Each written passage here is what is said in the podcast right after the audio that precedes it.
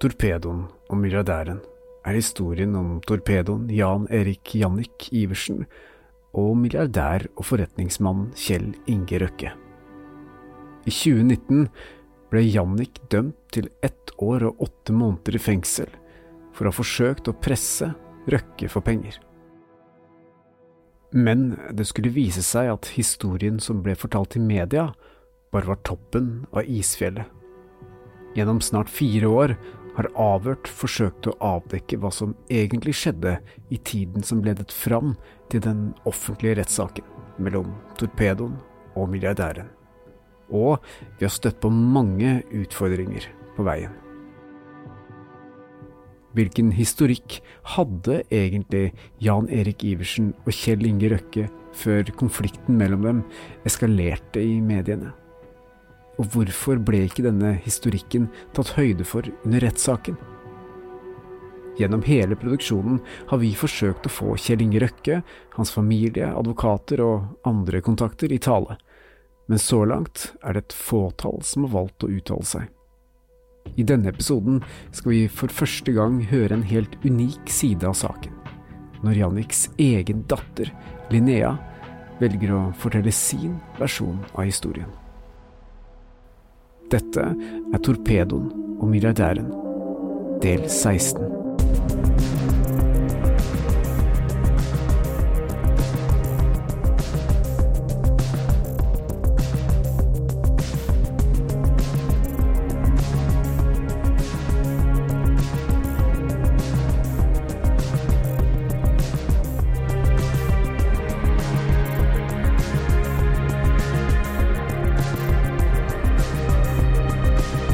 Linnea.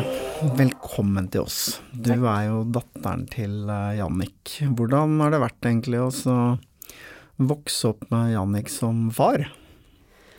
Å vokse opp med pappa eh, vil jeg si er en person som er ekstremt kjærlig. Eh, verdens beste pappa i mine øyne. Eh, masse kjærlighet. Eh, en fyr som En pappa som stilte opp på alt av treninger, eh, avslutninger, skole. En veldig tilstedeværende pappa. Mm. Så han har vært til stede i hele oppveksten din? Yes. Mm. Men uh, Bortsett fra ett år. Bortsett, bortsett fra et år For da var han i Las Vegas og spilte poker. Ja, okay. Bortsett fra det, så har han vært til stede hele oppveksten min. Veldig tilstedeværende. Jannik er jo en fyr som har blitt omtalt som torpedo, som kanskje litt farlig. Mm. Uh, hva tenker du om det? Det er jo medias ord å bruke torpedo. Uh, pappa har alltid kalt seg en megler. Um, selvfølgelig, uh, jeg har jo hatt en litt annen oppvekst enn en A4-oppvekst. Uh, med at pappa har hatt et annet yrke. det var jo ikke like lett for meg når folk spurte hva er det faren din driver med. Uh, men jeg lærte meg fort å si at jo, men pappa driver med finans og sånn. Uh, og det er jo ikke Det er ikke sånn at jeg løy når jeg sa det. Det stemmer jo litt. Uh, men altså, når jeg var liten, så var han jo i utgangspunktet en gambler. Spilte kort. og så utviklet det seg mer at han gjorde litt andre ting. men pappa har vært veldig Altså så åpen som han kan med meg. Um, og det tror jeg har vært det beste for meg og han, for vi har alltid hatt et kjempenært forhold. Um, på godt og vondt, selvfølgelig, med at man har opplevd litt ting, med at man ikke har en A4-pappa. Um, men med at han har spilt kortene såpass åpen som far, da, med et yrke som ikke er helt stuerent. det tror jeg har gjort at jeg sitter ikke i dag og har noen sånn nag til pappa med visse ting han har gjort, da. Hvis du tenker tilbake, hva er egentlig de sterkeste minnene du har fra oppveksten og med han som altså, pappa? Altså pappa altså, altså, andre fedre tok jo med seg barna sine kanskje på skitrening, eh, ute i marka på søndagene. Det gjorde jo ikke pappa. Pappa tok meg med på Bjerke travbane. Okay. Jeg lærte fort å spille på hest. Da han dro meg med til Korsgata, som den gangen var eh, en pokerbule. Eh, alle godgutta satt der og røyka og spilte poker og skikkelig god stemning. Og da fikk jeg alltid lov til å sitte ved siden av gutta og se på de spille. Og noen ganger så fikk jeg pes, og det var hvis gutta vant. Da fikk jeg cash. Andre barna vant til kanskje for 50 kroner, 100 kroner. Jeg fikk 1000 kroner.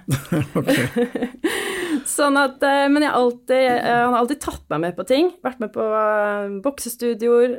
Så jeg gjorde litt annerledes uh, helgeting enn andre barn. Vært mye ute og reist. Og lært meg eller kanskje fort livets skole, da. Ble fort voksen. Sett ting som andre ikke har sett. Og så har jeg hatt en kjempekjærlig mamma òg, så vi har liksom vært en sånn trekløver som har vært uh, veldig connecta. Mm. Du har åpenbart hatt en litt annen oppvekst enn Det kan man si. en eh, sånn A4, alle ja, andre. Det har jeg. Er det, hvordan har det påvirket deg sånn i voksen alder, tenker du? Jeg dømmer ingen.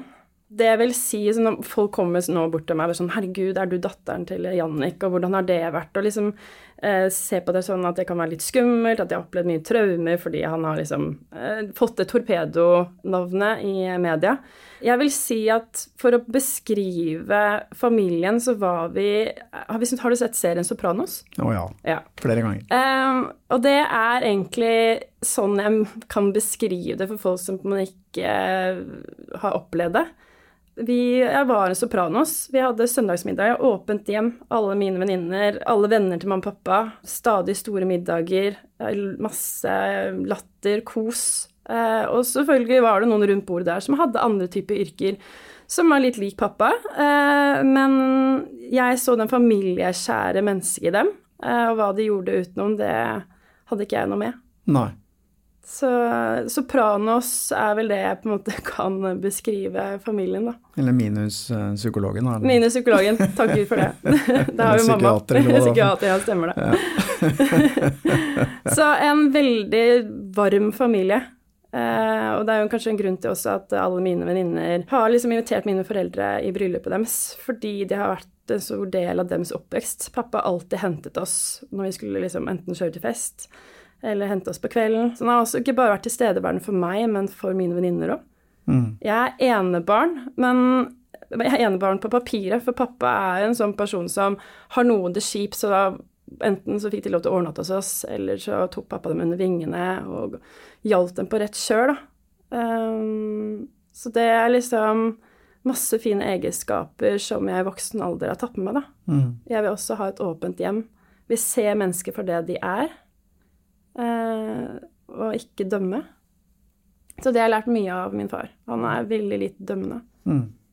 Og veldig ærlig. Men dere har jo også omgått en del mennesker som uh, har mye penger. Stemmer. Røkke blant annet. Ja. vi har jo snakket litt med Jannik om hans forhold til uh, Røkke, men du har jo sett dette her på, på nært hold gjennom ja. veldig mange år. Kan ikke du prøve å fortelle litt hvordan det forholdet var? Hvordan ja, det startet? Jeg skjønte fort når det var uh, rettssaken og sånn, så skjønte jeg jo at de ville ha bort det som var på en måte essensen i alt, da. Med oppveksten. Jeg kjenner jo godt uh, Elisabeth og Christian. Uh, de kom jo til Norge med deres mamma Kari. fantastisk dame. kul mamma. Som da var en venninne av venninne av mamma og pappa kjente henne godt også. Vi hadde, tok dem egentlig litt under vingene. De kjente ikke så mange her i Norge. Så vi var mye på, hjemme i huset på Strand. Det var eldorado for barn. Stort badebasseng. Eh, den gangen så var det ikke så mange som hadde eh, trampoline i hagen. De hadde jo den største av de største. Skikkelig sånn amerikansk hjem, eh, men veldig åpent hjem. Så jeg og Elisabeth er jo like gamle, og Christian er noen år eldre enn oss. Eh, så den mest relasjonen min var jo til Elisabeth. Christian var der, men han var gutt. Og vi hadde familiemiddager. Jeg overnattet hos dem. Eh, jeg og Elisabeth gikk på Minken Fossheim teaterskole sammen. Så vi hadde virkelig en familiebånd. Pappa fikk en mer betydelig rolle der også, fordi de var veldig Hva skal jeg si for noe? Eh, de hadde mest med mammaen sin å gjøre i den perioden der. Og så var det jo kjæresten til Kari som er Per eh, Overland, som lagde verdens beste mat. Eh, sinnssykt dyktig på, på det. Eh, så vi hadde en veldig fin relasjon. Fant masse hyggelig sammen. Eh, og så etter hvert så, så skilte jo de lag, og da var det helt naturlig at mamma og pappa Det var jo Kari som var deres venn. Eh, så flytta jo Kari til byen. Og da var jo jeg og Elisabeth litt eldre. Selv om vi på samme alder, så var Elisabeth mye mer utadvendt enn meg. Jeg var mye mer innadvendt den gangen. Så vi var familievenner, vi var ikke venner sånn utenom, jeg og henne. Men pappa og Kari var mye sammen. Og mamma selvfølgelig også. Mm. Eh, så traff jeg på Elisabeth og Christian når eh, jeg skulle inn og hente noe i Løverssons gate, eller Og så flytta de videre til Sjuholmen. Men da flytta Kari alene. Så eh, det må jeg si at den, Når Kjell Inge sier at han liksom ikke nesten altså, skal uttale navnet til pappa, altså uttaler det feil, eh, så skjønner jeg jo på en måte hva de ønsker, da. At dette her er på en måte en torpedo som bare er henta fra gata, eh, som ikke har en relasjon. Og relasjonen sitter mye dypere enn det. Og det har jo såret meg litt, fordi faren min var veldig bra nok når de trengte han. Eh, og det mener jeg i forhold til når Kari dessverre ble syk, fikk kreft, så bodde hun jo alene på Sjuholmen og sammen med Elisabeth. Og da var det veldig ok å ringe pappa min og spørre om han kan hjelpe med ting, eller pappa kunne handle matvarer. Da ringte liksom ikke faren sin, Kjell Inge. og da var det greit å bruke faren min. Mens når vi kommer til rettssak og sånne ting, så skal de sånn Nei, kjenner ikke han så godt. Eh, og det syns jeg er ganske sårende. Mm. For hva slags forhold hadde faren din til Kari Monsen Røkke, da? De var bestevenner. Kari var en fantastisk dame med bein i nesa. Jeg tror det var det som pappa bare digga. Veldig sånn guttejente. Så de hadde en sinnssykt fin relasjon. Uh, og pappa er en sånn person når noen sier de trenger hjelp, så hopper han. Og blir han glad i deg, så gjør han alt for deg.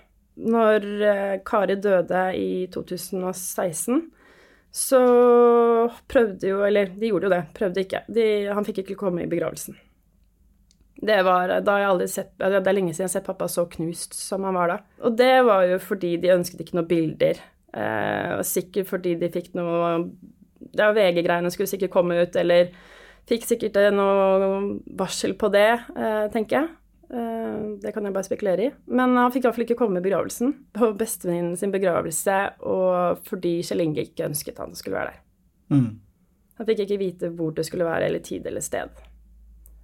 Eh, noe som selvfølgelig også bestevenninnene til Kari har reagert på. For de vet hvor eh, godt forhold pappa og henne hadde. Hvordan var liksom Kjell Inge Røkke inn i denne miksen her, altså, fordi de var jo skilt? Stemmer. Mm. Mm. Kjell Inge var en, en, skikkelse som på en måte Jeg har hilst på han vel fem-seks ganger. Det var jo hun som på en måte var den omsorgsfulle med barna. Han jobba eh, og styra og så barna sine innimellom, og så var det mammaen som hadde hele ansvaret. Eh, jeg, når jeg var liten, tenkte jeg at han var ganske kald, mm, rett og slett. Eh, en som ikke tok ansvar for sine barn, og var opptatt av penger og jobb. Og det eh, har sikkert ikke vært så kult, tenker jeg. Mm. Men i rettssaken så, så fortalte jo Christian, en, altså sønnen til Røkke, da, Stemmer. en historie om at din far og Per Orveland sannsynligvis hadde gått i kompaniskap mm. om å presse Røkke for penger. Hva tenker du om en sånn historie? Hvorfor sitter han og forteller noe sånt? Eh, jeg tenker eh, Ja. Eh, det, det var også en av altså, tingene som sårte pappa skikkelig. For han hadde en godt relasjon til Christian. Jeg tenker at det her er noe han har fått beskjed om at han skal si, rett og slett. Det er pappaen hans. Han støtter han i hva enn det måtte være, om han måtte lyve eller ikke. Syns det var kjipt å høre. Uh, når jeg hørte hva han hadde sagt i rettssalen. Fordi det stemmer ikke overhodet. Og det vet Christian òg. Det var en desember i 2016. Da var vi jeg på julebord med mine venninner. Og Christian kom bort til meg da og spurte om vi kunne gå litt bort og snakke sammen. Da han var kjempelei seg overfor at faren ikke har latt pappa min komme i begravelsen. Han visste hvor mye Kari betydde for pappa. Og så sier eh, Jeg var ganske sur, eh, men jeg tenkte jeg skal ikke liksom være for kjip mot han. Han har tross alt mistet mammaen sin. Så jeg kondolerte, og så sa jeg bare at det, det syns jeg var bare helt tragisk, rett og slett. Eh, du vet hvor mye pappa har stilt opp for mammaen din, og hvor mye han har stilt opp egentlig for familien din. Og så sa Christian bare ja, men vet du? Så sa jeg ja, jeg vet, sa jeg. Eh, jeg vet alt. trodde jeg da. Jeg visste jo ikke alt, men jeg visste iallfall mye. Og så sier Kristian ja, det, det må han bare beklage, men pappa ville ikke. Eh, og han skjønner at det var kjipt, og jeg måtte hilse Jannik så mye. Onkel Jannik. For du brukte pappa som onkel Jannik. Når man kaller en person onkel Jannik, så betyr jo det mennesket mer for deg enn at han er en torpedo som skal true deg. Mm. Og jeg vet også pappa har gjort og hjulpet Christian når han var eh, litt eh, yngre, når det var noe trøbbel. For han tok litt den derre papparollen, onkelrollen, uten at jeg vet helt hva det var. Så han står da og lyver i retten, så tenkte jeg bare sånn Nå mister du alt det du står for, og hvem du er. Men jeg så at han ikke var helt seg selv, eh, og det er kanskje fordi han står og løy. Hva skal jeg si? Det er faren hans Det var jo en måte på en måte å fremstille pappa dårlig på, da med å si at han og Per eh, samarbeidet. Um, ja, hva skal man si? Ja, for du nevnte jo Per Orveland litt tidligere også. Stemmer. Du sa at han var veldig god til å lage mat, Mm. og han var jo sammen med Kari. Tror du han er en type som eh, som driver med utpressing? Nei, hva slags inntrykk har du av nei, ham? nei, det har jeg ikke. Uh, per, eh, den inntrykket jeg har av Per, er at han var liksom den som alltid fikset i huset. Han lagde middag, han kjørte barna frem og tilbake på trening. En et kjempeprakteksemplar på en stefar. eh, Som var virkelig tilstedeværende. Ikke en fyr som er noe skummel i det hele tatt. En som bare egentlig er litt dumsnill, rett og slett. Som bare ønsket alle godt. Han visste ikke hva han kunne gjøre for barna eh, og Kari. Så at han har blitt brukt i et spill fra Kjell Inge, det, det, det tror jeg på. Fordi um, han var jo med på alle reisene. Han hadde jo et kjempegodt forhold til Kjell Inge og barna. Han er ikke en sånn fyr som på en måte driver med noe slikt eh, i det hele tatt. Eh, ble veldig godt kjent med, med datteren hans også, for hun var jo også mye i huset. og på overnattinger og så Nei, en skikkelig familiefar. En, en snill, veldig snill mann. Vi har jo hørt en historie hvor han kom hjem til dere, Per, altså Per Orveland, da, med to millioner i, Mm. i cash i en plastpose. Var du til stede da, eller? Nei, jeg var ikke til stede. Nei, ok. Det Men uh, at han var liksom i den perioden der, når jeg husker tilbake, så var han jo frem og tilbake. Jeg hadde alltid sånn Nei, men jeg må snakke med deg, Jannik, fra Kjell Inge. Sånn at jeg skjønte jo at det var et eller annet at han var en sånn budbringer, da. Eller en sånn løpegutt. I en voksen alder, rett og slett.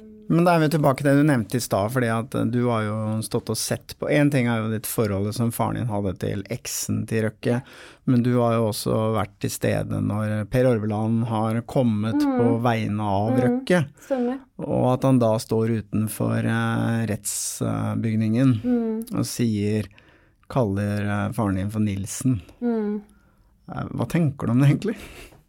Det Nei, det Nei, jeg vet ikke hva jeg skal tenke om det, rett og slett. Blir du litt sånn forbanna? Ja, Mm. jeg blir det. Men man trenger liksom ikke være rakkettforsker for å skjønne hvorfor han gjør det. Denne mennesket her har jeg ikke noen relasjon til. Det er bare en som har kommet inn fra gata for å presse meg for penger. Ja. Mm. Jeg skjønte at den rettssaken kom til å være rigga. Jeg skjønte for første pappa har ikke noe medietrening heller. Skjønte at det var en underdog de luxe. Eh, Det sier seg selv. Eh, Han skal møte Askeladden, Norges svar på Askeladden, mot da det torpedonavnet han har fått, da. Hvem er det som vinner da, liksom? Nei, og så var det jo slik at eh, Og hva tenker du om det? At eh, domstolen ikke var interessert i å høre om noe ting som hadde skjedd før? Det er helt sykt. Fordi altså, at man tar bare tre måneder av en rettssak, og det er det man skal dømme pappa på. Ehm, for det første så vil jeg ikke si at det er en trusler han har gjort en gang heller. Han sier han kan ta med han til politiet. Og pappa er ikke noe engel. Han har jo heller ikke sagt det heller. Og nå, de podkastene dere har hatt, har virkelig vært ærlig på hvem, hvem han er, og han, hva han står for. Ehm, og det tror jeg er det som irriterer han òg, fordi han er så ærlig, eh, og ikke andre kan være det. Og det var jo Kjell Inge kunne jo ha stoppet her for lengst. Han kunne ha stoppet VG-reportasjen, som har satt pappa til å bli eh, Ja, masse bilder, eh, masse spekulasjoner. Det kunne han ha stoppet. Som jeg skjønner, så har han jo på en måte hatt et forhold til eh, Per, og, det er Per som har hatt de lydopptakene, og det her kunne Kjell Inge ha stoppet for lengst. Før det skulle gå så langt som det har gjort. Men hvorfor tror du at uh, Røkke valgte å gå den veien og anmelde faren din for utpressing istedenfor å bare løse det på bakrommet? Fordi han tror han kan gå på vannet. Okay. Han tenker han kan komme unna med dette her. Fordi pappa er en underdog. Uh, og det har han jo helt rett i, i forhold til den rettssaken som ble kjørt. Uh, pappa ble jo ikke trodd på noen ting.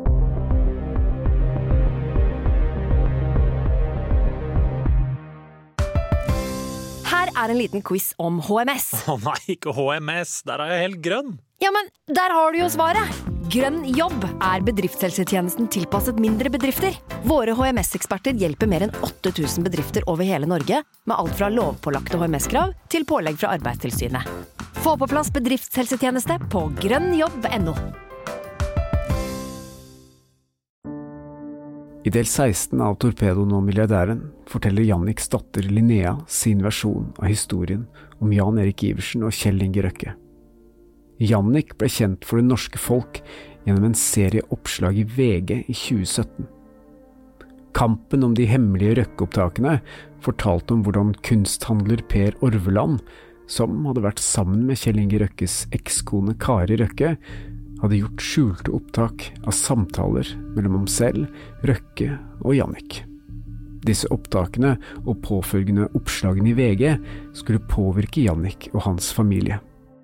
Hvis du tenker tilbake på disse VG-oppslagene som startet alt sammen, mm. hvordan påvirket det deg og familien? De som kjenner meg, og vestkanten er veldig lite, de visste jo hvem pappa var, og at pappa ikke hadde en helt A4-jobb at det kommet ut bilder av faren min, da kan man altså, igjen tilbake til meg. Påvirket jo mamma. Altså, altså, det sier seg selv at det påvirket i stor del. Jeg har jo barn, så jeg var redd for at det skulle, at morfaren deres var med bilde av.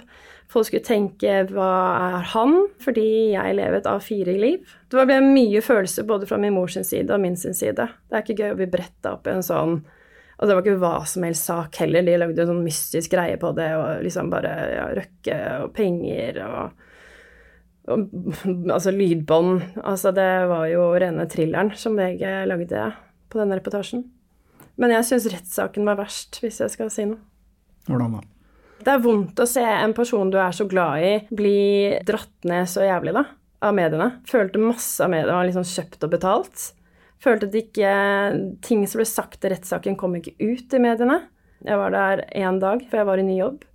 Men uh, min uh, mann var der, og han bare sånn Hæ, hvorfor kom ikke det her ut? Hvorfor skriver ingen om dette her?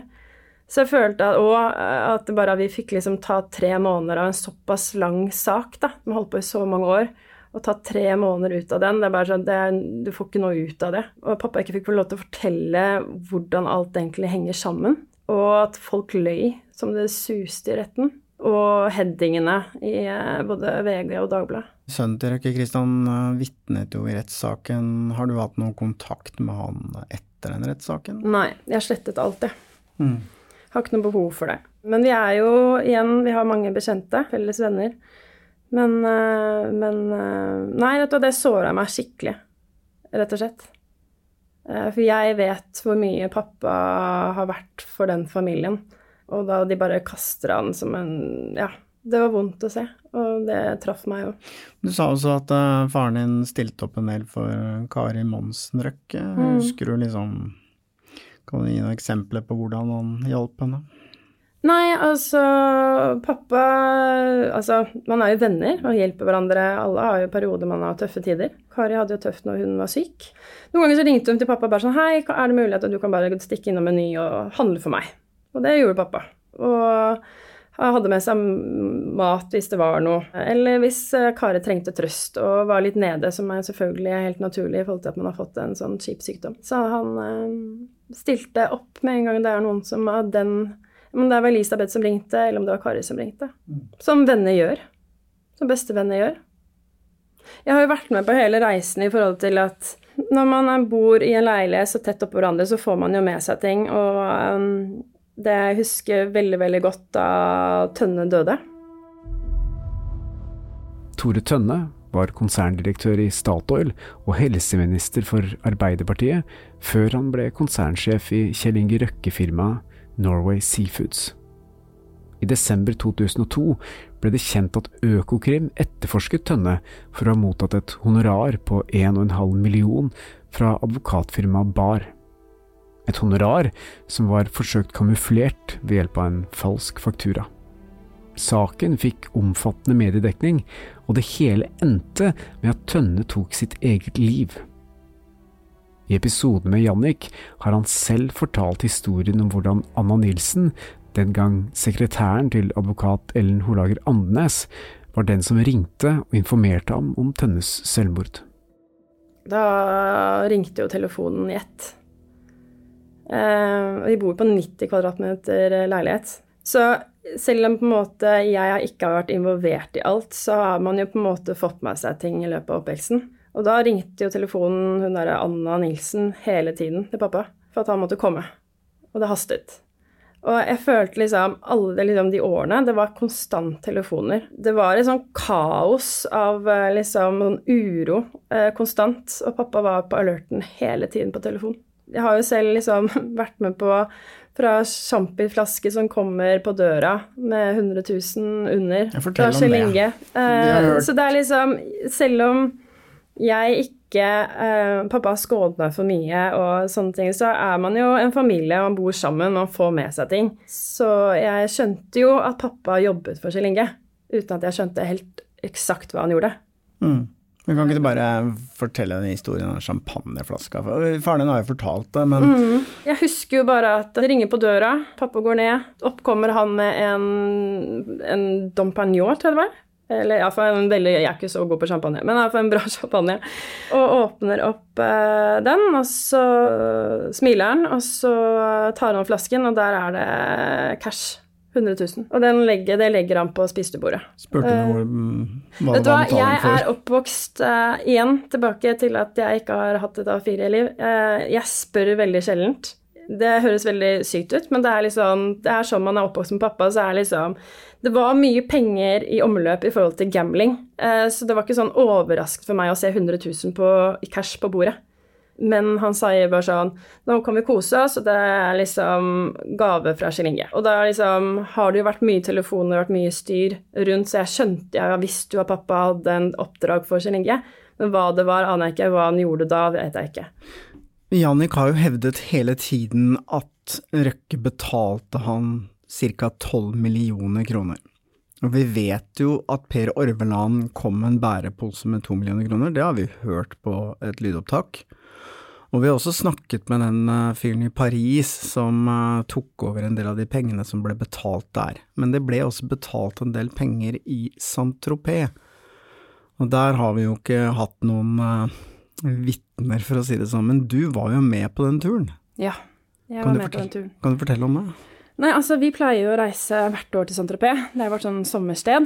Og bo på det samme hotellet eh, hvert år. Og eh, den perioden der så var pappa litt stressa. Han fortalte meg ikke alt hva som skjedde, men jeg så at han var liksom En dag kunne han ikke være med på stranda. Eh, han skulle gjøre noen møter. Så det var en liksom annen type ferie enn det vi pleier å ha. Og så var jeg på hotellrommet sammen med mamma og pappa. Og så uh, sier pappa ja, nå må jeg dra igjen.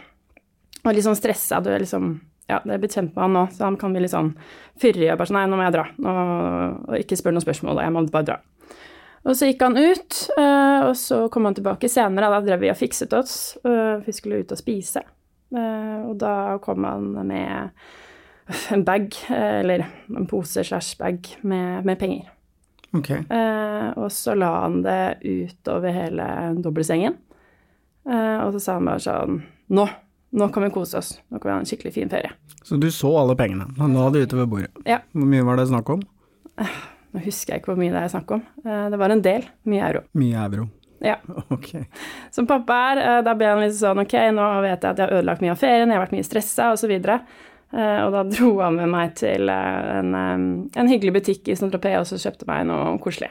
Okay. For tort og svie for at litt mye stress og litt Hva skal jeg si, når fedre er litt stressa, så kan man bli kort i lunta, og så videre. Så da fikk jeg en hyggelig gave. Men hvordan er det liksom å hva skal jeg si for noe, ha en far som uh, kommer hjem med en svær bag med penger og sprer det utover. Det er ikke Alle har jo ikke vokst opp på den måten der. Nei, og det er, har jeg full forståelse for. Uh, jeg har jo ikke vokst opp at det liksom sprer seg så mye penger som det lå på sengen den gangen. Uh, men jeg er vant til at det har vært en del cash, fordi pappa i utgangspunktet var gambler. Uh, og da spilte man jo selvfølgelig med, med mye tusenlapper osv. Så, videre. så jeg har liksom sett mye penger i omløp. Ikke bare på et uh, kredittkort, uh, men fysisk. så det er ikke fremmed for meg, men herregud, altså det beløpet, eller de var så mye penger som han strødde over på dobbeltseng. Jeg tror han gjorde det av lykke, bare sånn at han fikk ro i sjelen. Ok, han har fått en bit av kaka. nå kan vi kose oss, nå kan vi liksom senke skuldrene og ha en fin ferie.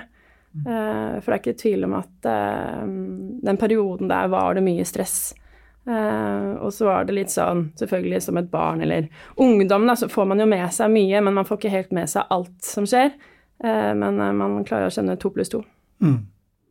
Men var det noen som Hørte du på noe som helst tidspunkt hva de pengene var oppgjør for? Nei. Det var ikke noe Nei. tema? Nei. Det holdt an tett. og så var jo Kjell Inge i Saint-Tropez den perioden der også, så vi var jo mye ute og spiste på Byblås, eh, som er et hotell, som, eh, som, også har en restaurant, og vi møtte han også i lobbyen der. Eh, så jeg skjønte jo at det var en connection her, selvfølgelig. Ja, Hvordan var det møtet da? Var det bare sånn Nei, det er vennlig, hyggelig møte, som alltid. Eh, som sagt, jeg har jo hengt mye med Jeg har hengt mye med barna, eh, og pappa også. Han blir jo tross alt kalt onkel Jannik uh, av dem. Um, sånn at det var helt, altså, helt normalt møte å møte noen venner eller si hei. Uh, nå er jo ikke det sagt at det var jo på en måte Kari Røkke som var pappa sin beste venn, men, men Kjell Inge har jo på en måte vært rundt oss. Så det var sånn hei, hvordan går det? Helt vanlig prat. Sikkert fordi jeg var med. Så da snakket man ikke om business. Men du har to barn? Vi har to barn, ja. Så Janik er jo bestefar. Hvordan vil du si han er som bestefar, da? Åh, verdens beste bestefar. Altså, det er liksom Han er helt rå. Han er i hvert fall oppe hos oss fire ganger i uka. Ta jentene med, det er det som jeg syns er litt gøy. Søndagene, noen ganger går det på Bjerke travbane, så det går i sånn arv her. Han tar dem ikke med i pokerklubben, for den finnes ikke lenger. Og en, en leken bestefar en veldig tilstedeværende bestefar. Så de to uh, jentene, de er uh, alt for han. Derfor var det også kjempesårt for meg da han selvfølgelig havnet i fengsel. Jeg var borte et år, og det var liksom ikke hva som helst år, det var koronaår. Så det var jo enda mindre kontakt. Så det var nesten som jeg følte at pappa var død et år. Og det var vanskelig for jentene å eh, som en mor, da, for å beskytte de, og så skal man være ærlig, og så skal man ikke lyve. Men, eh, men jeg kom fram til at hun eldste måtte jeg på en måte fortelle det til. Hvorfor er i fengsel. Og så Hun spurte selvfølgelig rundt det og hvorfor det. Så jeg, noen ganger så gjør man litt dumme ting, og akkurat nå så, så har ikke Moffa gjort noe dumt, men han har involvert seg i noe dumt som har gjort at han har havnet der. Og den kjøpte hun. Og vi var jo også med, jeg tok med meg jenta og besøkte han også i fengselet. Hvordan gikk det? Det var veldig emosjonelt. Eh, men igjen, man er mor, så man skal ikke vise helt de følelsene, for da begynner jo på en måte jentene å skjønne at det er noe Hvorfor er mamma så rar? Og barn er veldig tilpasningsdyktige, så det gikk veldig fint. Selvfølgelig rart og med gjennom forskjellige sikkerhetsvakter, og fengselsbetjentene la opp til at det ble veldig hyggelig. Ja. Jeg hadde med en sjokoladekake, fikk lunsj. Du husker sjokolade, du. Hmm, jeg du, husker sjokolade. Vi glemte det, vi. Ja, det, var, eh, det må du ikke gjøre. Vi fikk kjeft. Kvikk Lunsj der inne var som tusenlapper. ikke sant. Vi tenkte ikke på det. Jeg har aldri kjøpt så mye Kvikk Lunsj noen gang, jeg. Eller, eller, Cola. Så det var en eh, spesiell periode. Ja, for én ting er jo at han måtte sone de tolv månedene, men uh, hvordan har denne saken utover den soninga preget faren din, da? Mye. Han er jo en sånn fyr som Når ting er urettferdig, så går det jo på en måte Altså, det kan jo alle kjenne på. Da blir man fortvila, man blir sint, man blir lei seg. Det opptar han mye. Veldig mye. For det er sånn han er som person. Det hadde nok det hadde skjedd med meg òg, når man føler seg så urettferdig behandla. Men har du ikke noen gang tenkt at eh, ok, pappa, nå har du liksom sona ferdig, eh, kan du ikke bare legge det bak deg?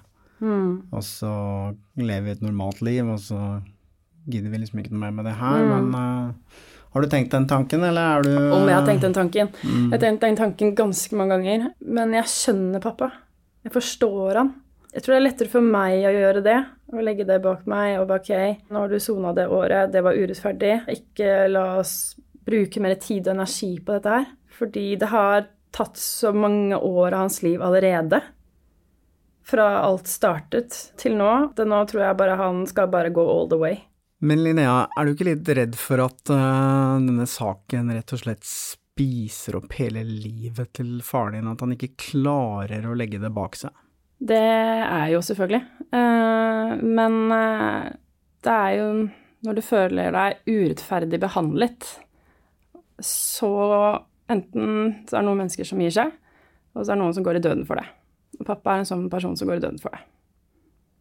Hva tror du kommer til å skje hvis han ikke får tatt opp denne saken igjen? Men det tør jeg ikke å tenke på ennå. akkurat nå så er motivasjonen at den kommer til å bli tatt opp, og pappa får en rettferdig Altså, rettferdigheten skal seire. Men vet du hva, det har jeg ikke lyst til å tenke på ennå.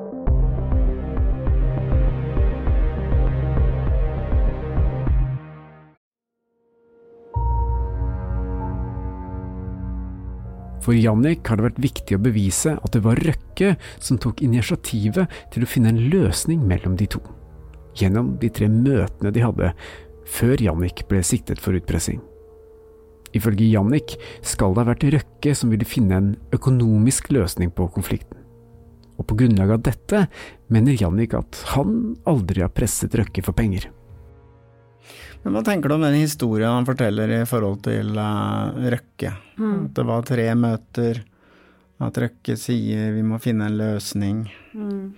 Det blir et nytt møte, kortstokken, og at det ender liksom med at Snorteinsmoen tar noen møter med faren din, og så er det full razzia.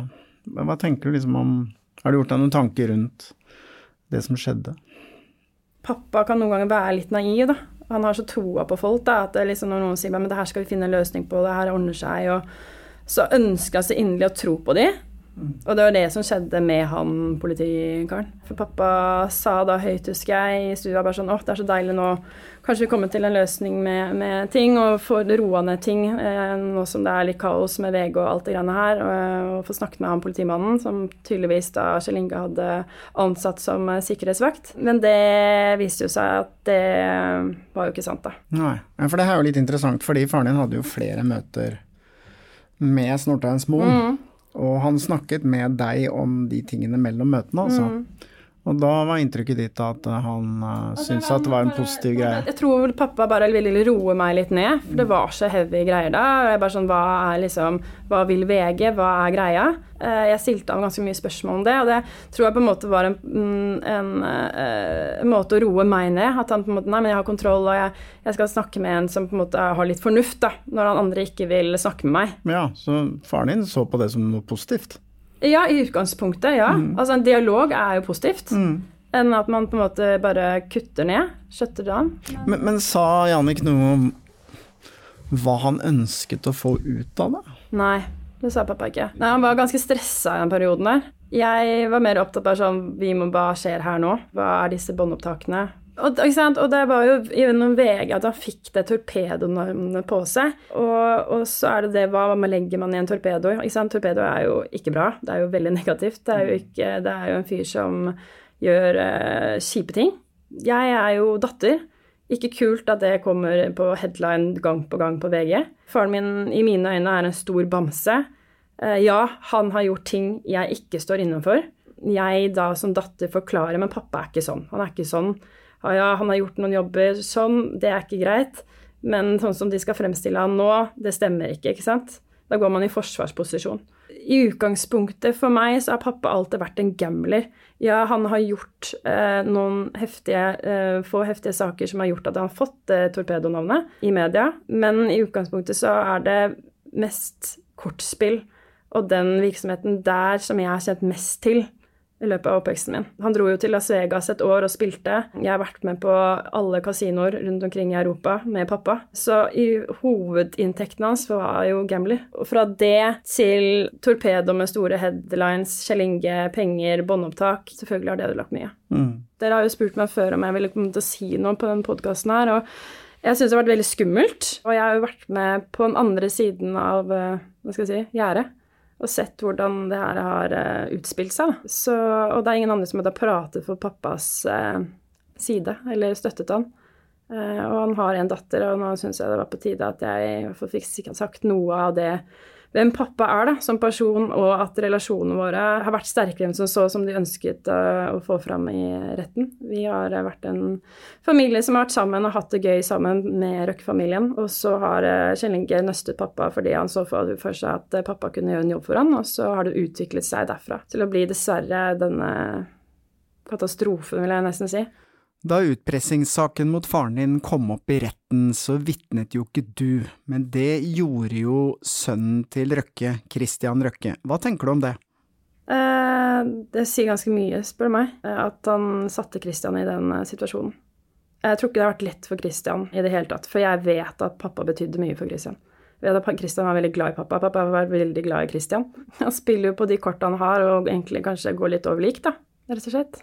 Men spurte Jannik noen gang om du eh, ville stille opp i rettssaken? Jeg sa til pappa at jeg kan hjelpe deg i forhold til å forklare bakgrunnen. Men pappa bare sånn nei, du har ikke noe i den rettssaken der å gjøre. Det skal du slippe, jenta mi.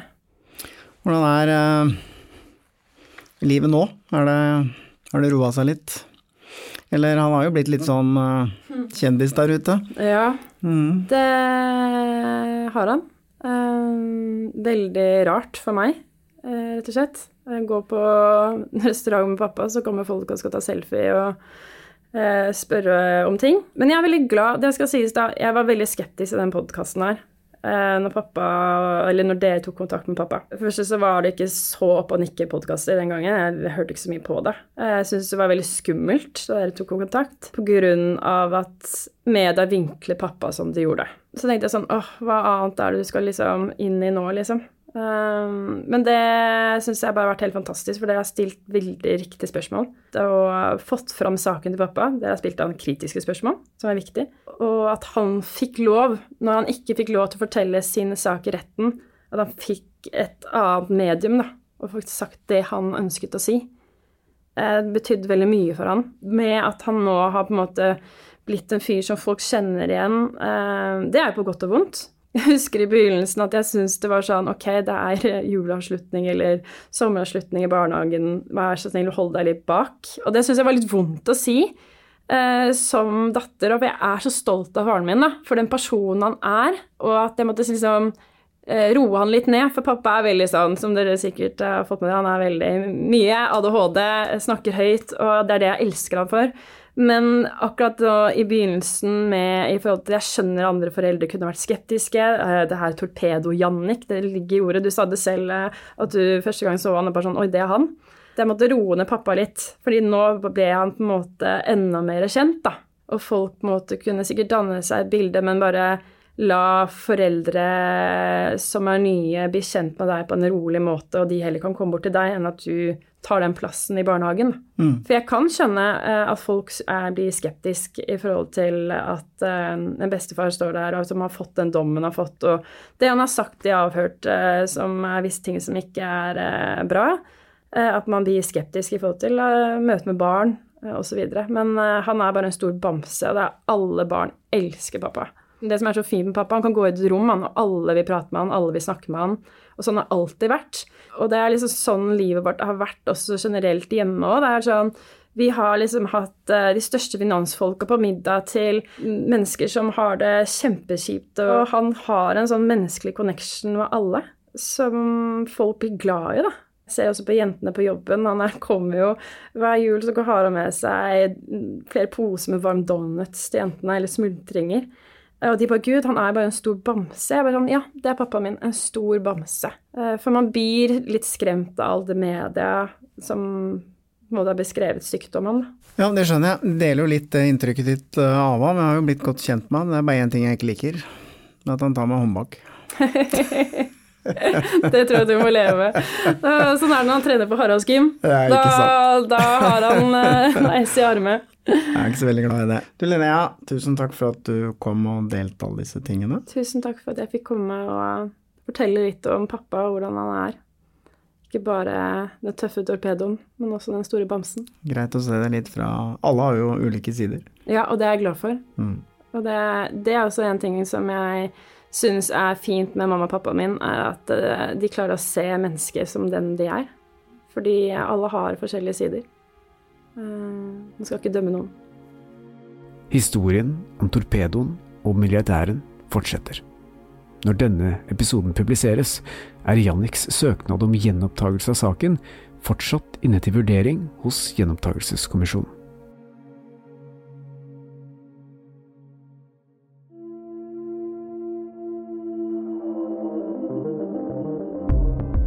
Avhørt er produsert av Batong Media. Redaksjonen vår består av Stein Morten Lier, Helge Molberg og Lars Christian Nygårdstrand. Temamusikken vår er laget av Altered States, og du finner oss på Facebook og Instagram. Hvis du vil høre eksklusive episoder av Avhørt, gå inn på podme.no, eller last ned Podme-appen.